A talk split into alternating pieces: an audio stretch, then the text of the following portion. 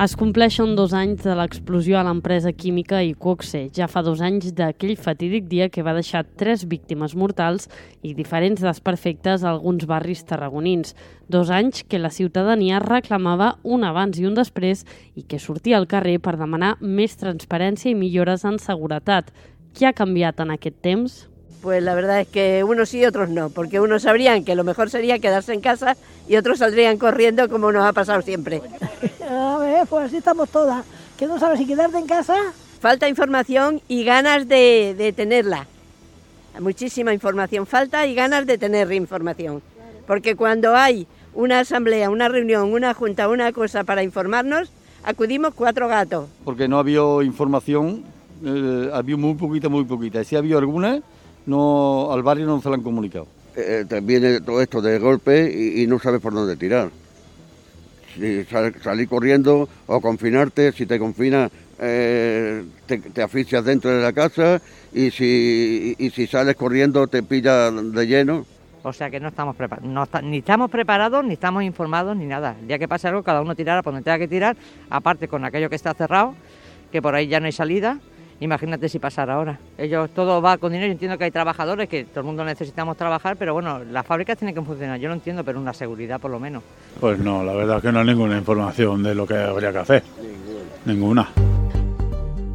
La població té la sensació que no ha acabat d'existir aquest abans i després que s'havia promès. És cert que s'han instal·lat nous sensors per dur a terme una prova pilot i que s'han d'acabar de desplegar durant aquest any.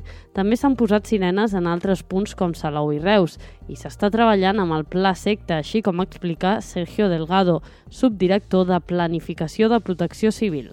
Clar, això és un procés gradual que es va fent, però les principals estructures de coordinació i de direcció ja, són, ja estan implantades, ja funcionen des de l'àmbit territorial, és a dir, des de- Tarragona, per tant, la direcció del pla amb la figura de la delegada del govern de la Generalitat a, a Tarragona, més les figures del, del comitè tècnic i del Consell Assessor, que són els òrgans de coordinació i de suport de la direcció, amb representació territorial des del territori, és a dir, des del De Reus, eh, això eh, està implantat i funciona. I, per tant, aquests són les principals novetats que portava el Pla des del punt de vista de, de qui i com es feia la, la, la direcció, la coordinació de l'emergència i sobretot la presa de decisions de si s'ha de confinar o no la població i això, això està en marxa. Queden, queden passos perquè uh, falten recursos, recursos que a nivell de recursos humans que ens han d'arribar a protecció civil per poder doncs, eh, fer una resposta efectiva des, de, des del propi territori. Ja són recursos que, que estaven previstos i, i esperem que ens, que ens arribin aquest 2022, igual que esperem anar ampliant els recursos a nivell d'infraestructures que, que, que havíem anunciat, que, que havíem demanat nosaltres mateixos com a protecció civil que eren necessaris. I en aquest cas parlo de, de més sirenes que s'estan posant i, i estan previstes, però també els sensors, que acabem, tot just acabem de començar la instal·lació d'aquests primers per fer la prova pilot i esperem que aquest 2022 es pugui, es pugui ampliar a mesura que tinguem aquests recursos. Delgado reconeix que pel seu desplegament definitiu encara queda. El que està clar és que hi ha unes inversions a nivell de, de protecció civil que són que, que Iquoxe i altres ci- circumstàncies han, han, han, han visualitzat que són necessàries a nivell de recursos humans i a nivell d'infraestructures, de recursos materials que, que han d'arribar, doncs, en aquest cas, a, a la Direcció General de, de Protecció Civil de, de la Generalitat i que, i que esperem que ens vagin arribant al, al llarg de l'any perquè són més actuacions que necessiten, evidentment, aquests recursos humans i, i materials. Després està tota la, tota la part de responsabilitat dels propis serveis d'emergència actuants en quant als seus uh, equips d'intervenció, que això doncs, també és una feina que, que s'ha de posar en valor que, que s'està fent i que, i que han fet doncs, els, els serveis doncs, per millorar la seva capacitat de, d'intervenció, de fer arribar la, la informació als òrgans de direcció i coordinació, tota aquesta actuació està en marxa, però en quant a infraestructures, en la part, diguem, la responsabilitat de la, de la Direcció General de Protecció Civil són sirenes i sensors, que hi ha aquest compromís d'ampliar. A nivell de sirenes ja hem superat fins i tot el propi compromís inicial del, del pla secta de, de sis sirenes, estem, estem per sobre, estem ja amb una previsió de, de d'arribar a la decena de sirenes i per tant això està en marxa i també el, la qüestió de les barreres dels sensors En aquest sentit, des de l'Associació de Veïns de Bonavista, l'Oli Gutiérrez, presidenta de l'entitat, creu que alguna cosa s'ha fet, però que es va molt a poc a poc. En estos 732 días no ha cambiado nada. O sea, si hoy vuelve a ocurrir lo que el día 14 de enero del 2020 ocurrió, estamos exactamente igual. Aquí en Bonavista el 40% de los vecinos eh, solo saben lo que tienen que hacer, es confinarse en casa. Pero tenemos un 60% que ha venido nuevo, que son eh, que han venido de otros países, que han venido de otros sitios, y ellos esto no lo han vivido. La última es cierto que tuvimos Tedesa hace 10 años, 11, pero como esta no fue. Entonces, ¿hay habido simulacros por la parte del ayuntamiento? ¿Han venido aquí a decirnos eh, lo que tenemos que hacer en caso de? ¿Se han mirado los edificios de las primeras calles que hubo las ondas expansivas que se movieron y hay grietas? ¿Se ha venido un arquitecto a mirar si esto está bien? ¿Si esas grietas van a más? Es que no se mira nada. Es que no se ha mirado nada. Es que es como si hubiera pasado dos años y, y- y- nada. Estamos hablando de que han puesto unos sensores. Muy bien.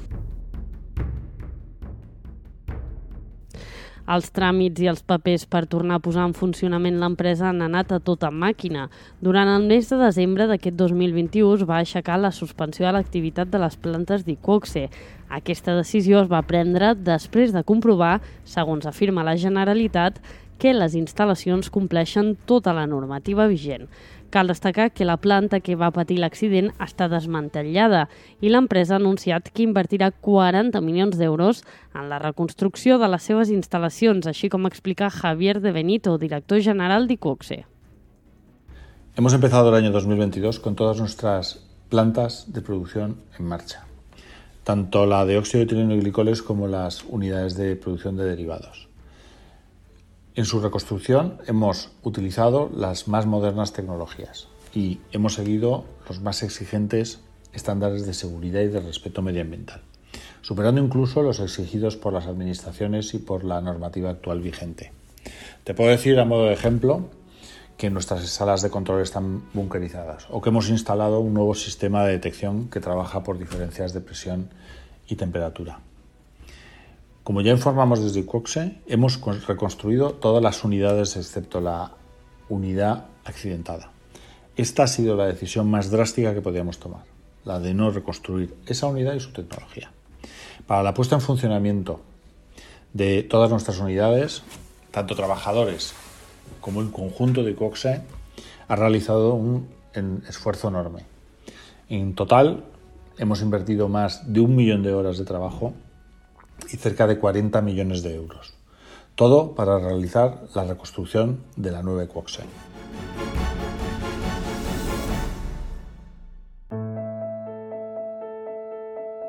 De moment no hem tingut accés a l'empresa ni hem pogut parlar amb el director. Sempre han sigut declaracions que ens han fet arribar.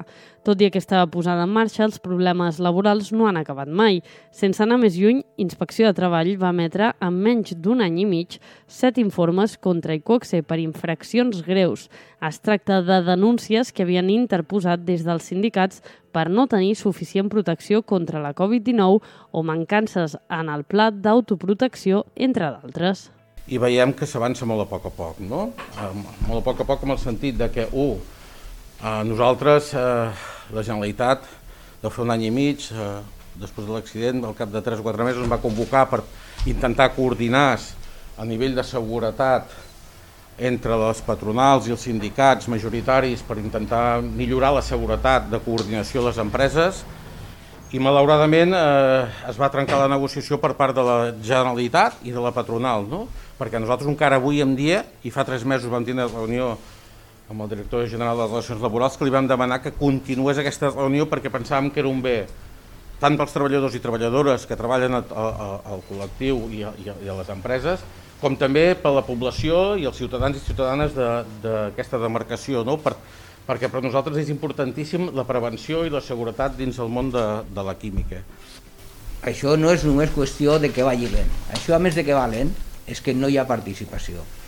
aquí ja a finals, mitjans finals de 2019 ja es van detectar una deriva una sèrie, van tenir una sèrie d'accidents, van tenir un, per desgràcia van, van tenir un company que va morir al 2019, al mes, eh, al mes al començar, a finals de, del mes de maig, van tenir una sèrie d'activacions de, dels plans d'emergència que ens indicava que tot això estava malament, que això ja ho venien, i ho venien dient, eh, que aquí hi havia una precarització de les condicions laborals.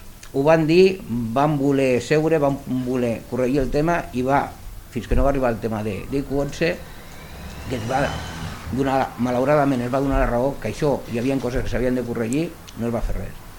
Quan va passar el de Q11, bueno, es van començar a veure coses, però hores d'ara ens trobem exactament el mateix. Ens trobem que dos anys després de l'accident de Q11 el tema de la seguretat. La seguretat té tres potes, entenem nosaltres. La seguretat hem de veure la seguretat de les persones treballadores. Les persones que treballen al polígon petroquímic s'ha de vetllar per la seva seguretat. Això passa per la coordinació d'activitats preventives, que és el que estava parlant el, el Joan abans, i per evitar la precarització de les condicions laborals que s'estan donant. Aquí tenim que cada vegada hi ha més externalització i aquesta externalització es fa amb precarietat i això el que fa és precaritzar les condicions laborals del polígon petroquímic i això afecta directament a lo que és la seguretat. Joan Llor és secretari general d'UGT i José Manuel Martín és de Comissions Obreres i Indústria. La sensació del carrer és que encara hi ha incertesa, que la transparència que es demanava de moment no s'ha aconseguit. Toni Garcia és veí de Bonavista és cert que, que potser hi ha hagut una mica més d'informació en aquest sentit, no? i que allò que tothom o que estava instal·lat a l'ideari col·lectiu, que, que quan passa una, una desgràcia com aquesta pues, has de fugir, això jo crec que ha quedat una mica matitzat i la realitat és que realment el que hem de fer és, és confinar-nos no? a casa. Eh, jo crec que aquí sí que ha hagut una mica de, de canvi de paradigma, però Um, en general crec que la gent encara no, no té clar, i crec que això és culpa de les administracions, uh, no té clar què, què hauria de fer si, si tornés a passar. És cert que les administracions alguna cosa han fet. L'Ajuntament de Tarragona va tirar endavant un plenari monogràfic sobre la indústria química, del qual encara no han sortit les conclusions, i la Generalitat va realitzar tota una comissió d'investigació amb conclusions fermes. Tot i això, la sensació és que el ritme no és alt. Sí es verdad que he sido escuchada y me siento eh, contenta por, por haber ido, por, por haberlo planteado y por haber defendido el barrio al que pertenezco. Sí es verdad de que han tomado nota y se tomó nota. También en el monográfico, también es verdad que nos escucharon, sí es verdad, desde Bonavista, pero como tú bien dices, muy poco a poco y esto no puede ser tan poco a poco. Esto tenía que haberse hecho ya. No podemos, porque hoy ocurre, hoy ocurre y pasamos otra vez por lo mismo. Pasamos otra vez. Yo creo que debería haber gente aquí de la administración o del ayuntamiento que vivieran aquí para ver lo que palpamos nosotros. Porque yo creo que en Tarragona no se palpa igual. De pro aquel día no se, pa se palpó igual en Tarragona que en Bonavista. Eh, jo crec que aquestes, aquestes eh, plens o, que, o, o aquestes comissions d'investigació sempre, sempre són útils perquè crec que la, la classe política ha de donar resposta al clam de la ciutadania, no? I era una cosa que estava al carrer i que, òbviament, s'havia de fer. Ara bé, jo crec que igual que demanem transparències químiques, li hauríem de demanar també a, a, a, les administracions perquè jo crec que no han acabat d'arribar ni les conclusions del Parlament de Catalunya ni les conclusions del ple monogràfic de l'Ajuntament de Tarragona. Jo crec que si preguntéssim a la gent no et sabrien dir qui, a quina conclusió van arribar els nostres polítics i polítiques a l'Ajuntament, per exemple. En aquest sentit, el subdirector de Protecció Civil reconeix que potser han de fer més esforços per arribar a la ciutadania. Sí, aquest és un tema que va sortir a, la, a les taules de diàleg i, i és cert, no? La, aquest dubte sobre com actuar. Però hauríem de recordar que, que les campanyes de comunicació de les mesures d'autoprotecció, és a dir, de com actuar en cas d'emergència química, es fan des dels anys 90. I, per tant, l'acció des de l'administració pública està feta des de la Generalitat i amb, i amb els propis ajuntaments. Aquí eh, el que estem fent és també redefinir aquestes campanyes perquè veiem que el que hem fet fins ara té recorregut que té i, i no té més recorregut. Si malgrat les campanyes i les inversions eh, econòmiques i en recursos de, de les administracions no permeten anar més enllà, el que hem de fer és redefinir-lo.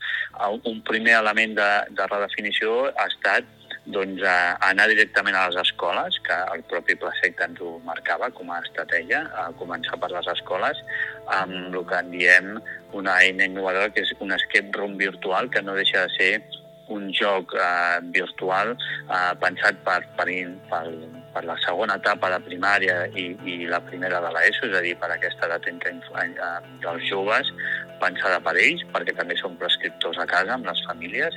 Eh, és a dir, igual que d'aquesta manera hem fet aquest Escape Room, eh, farem una campanya que l'estem definint per aquest 2022, novedosa, en quant com comunicar-nos amb, amb la ciutadania. Per tant, l'hem de redefinir. També estàvem esperant aquestes taules de diàleg per identificar aquest, aquests elements de redefinició. Qüestions importants, per exemple, que ens porten a que hem de eh, mantenir l'estratègia digital, de xarxes socials, etc, però hem de recuperar d'alguna manera també l'estratègia analògica, diguem més clàssica en aquests barris de Ponent. Hem, estem definint com arribar també a la ciutadania a través de les propres entitats i associacions de veïns que, que s'han ofert a col·laborar per poder arribar als veïns. En tot plegat, també cal destacar que durant aquests dos anys la població no ha sigut capaç de posar-se d'acord per protestar de forma conjunta i demanar més seguretat amb unitat.